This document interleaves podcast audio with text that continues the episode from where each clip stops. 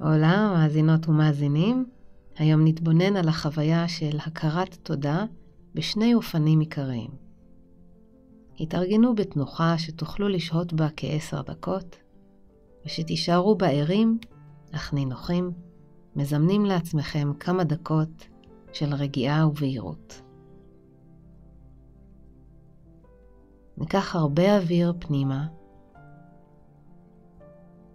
ואפילו עוד קצת, ולשחרר, אפשר אפילו להיאנח, מאוד משחרר להיאנח, כן. אתם מחזיקים כל היום תפקידים, אחריות, אפשר לרגע להוריד את המסכה ולא לטרוח על דבר עכשיו, רק לנשום.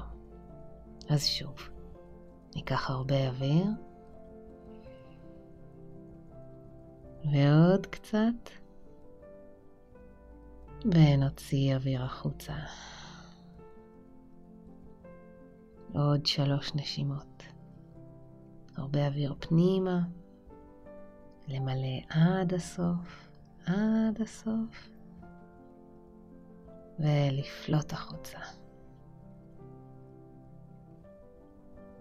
שאיפה פנימה, עמוק פנימה, למלא את הריאות, ולשחרר. שאיפה, עוד קצת פנימה, ולהרפות הכל. המשיכו לנשום באופן טבעי, ללא הכוונה של קצב או עומק מסוימים, מה שהגוף מבקש.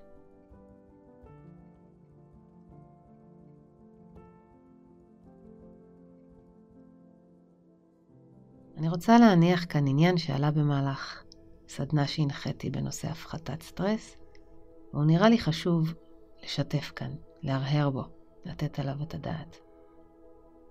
אחת הטכניקות שאנחנו מתרגלים כאן ביחד בפודקאסט היא הכרת תודה. סביר להניח שאתם מאזינים לי כעת דרך הסמארטפון שלכם, ואולי זה במודעות שלכם, שעצם העובדה הזו כבר הופכת אתכם לברי מזל לעומת הרבה אנשים. ולפעמים המודעות הזו מובילה להדחקת רגשות, משום שבסך הכל החיים שלכם יפים ואין לכם זכות להתלונן. מכירים את השיח הפנימי הזה? בנוסח אגרסיבי יותר, תגיד תודה ותשתוק. הכרת תודה כזו היא סוג של צו מוסרי, מחויבות מוסרית.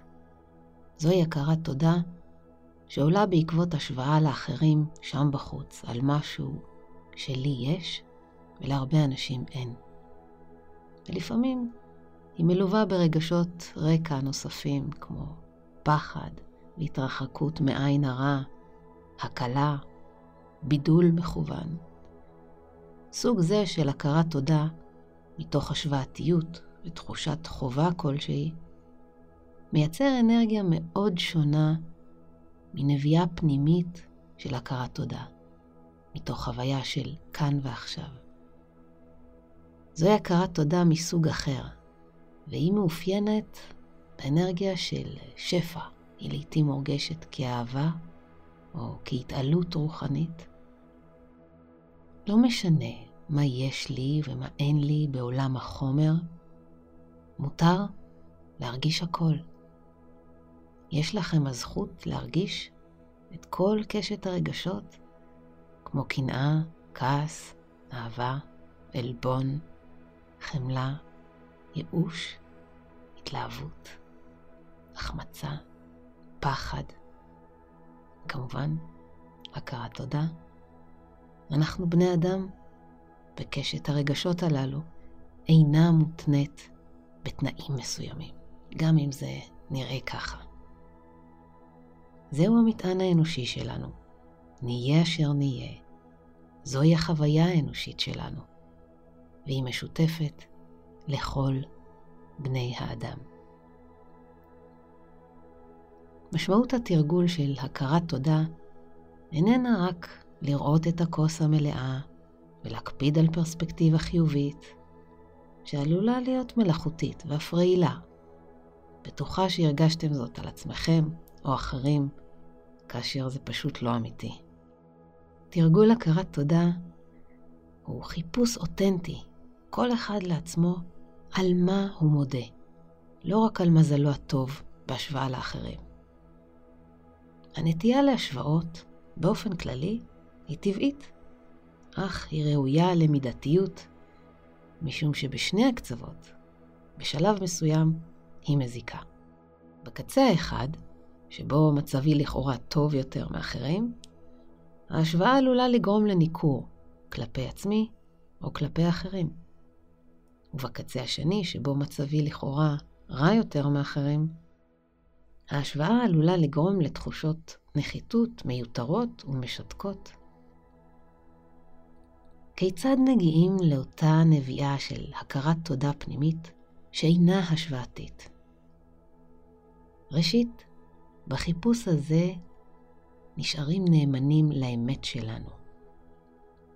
לא אתרגל הכרת תודה על עבודה, נניח, אם העבודה הזו שוחקת אותי עד דק, וכל מה שאני רוצה באמת לעשות זה להתפטר. אפילו שהיא פרנסה. ולמרות שזוהי עבודת החלומות עבור אחרים. לי זה כבר לא מתאים. בתקשורת עם אחרים אבחר מה לומר, אך בעבודה הפנימית שלי אין להתעלם או להשתיק שום רגש, משום שלעומת אחרים לכאורה התמזל מזלי. כן? לרגשות של עייפות, שחיקה או מיאוס יש מקום. כבודם במקומם מונח, ובזמנם ובקצב האישי של כל אחד, הם גם יובילו למציאת נתיב ראוי יותר בהתפתחות האישית. אז נתרגל הכרת תודה על דברים שמעניקים לנו רווחה אמיתית, על דברים שאנחנו מוכנים להשקיע עבורם ולטפח אותם בחיינו. גם על דברים שקיבלנו ללא מאמץ מיוחד. ועם זאת, הם יקרים ותומכים בנו מדי יום. ואנו לא רוצים להניח למתנה הנפלאה שהונחה בחיקנו להפוך לשקופה.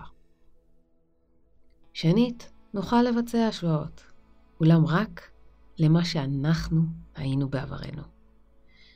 אם למשל אדם בתקופה מסוימת בחייו חווה נדודי שינה, הוא לפתע יעריך עמוקות בוקר שבא אחרי שנת לילה טובה ומרעננת. בעבר הוא לא שם ליבו לכך, אך בעקבות החוויה שלו, נוסף לחייו ממד של הערכה מחודשת, של הכרת תודה על משהו שאולי הוא בסיסי, הוא פשוט, אך אותו הוא משמח עד לאין שיעור. אם כן, תרגול של הכרת תודה עשוי להיות עבודה פנימית, ולא רק סימון וי על הדברים שלי יש ולאחרים אין, או על בעיות שאיני צריכה להתמודד עמם. מקווה שהבהרתי כאן משהו שיסייע לכם להתחבר למשאבים הפנימיים. אני מחזיקה באמונה שאכן, תמיד יש לנו על מה להודות, אך זו יכולה להפוך לסיסמה ריקה או חסרת משמעות של ממש. בכדי לחוש את התודה הזו בליבנו, עלינו רק לעצור, להכיר בדברים ובמשמעותם בחיינו. שאלו את עצמכם רגע, איזה סוג של הכרת תודה אתם חווים בדרך כלל? אני מזמינה אתכם לחשוב על מישהו שאתם רוצים להודות לו. ואולי היום גם למצוא את המילים, את המילים הטובות, לומר או לכתוב לו או לה, מדוע אתם חשים הכרת תודה אמיתית כלפיו. ולכן, תודה על הקשב ועל הזמן שלכם. נמסטה.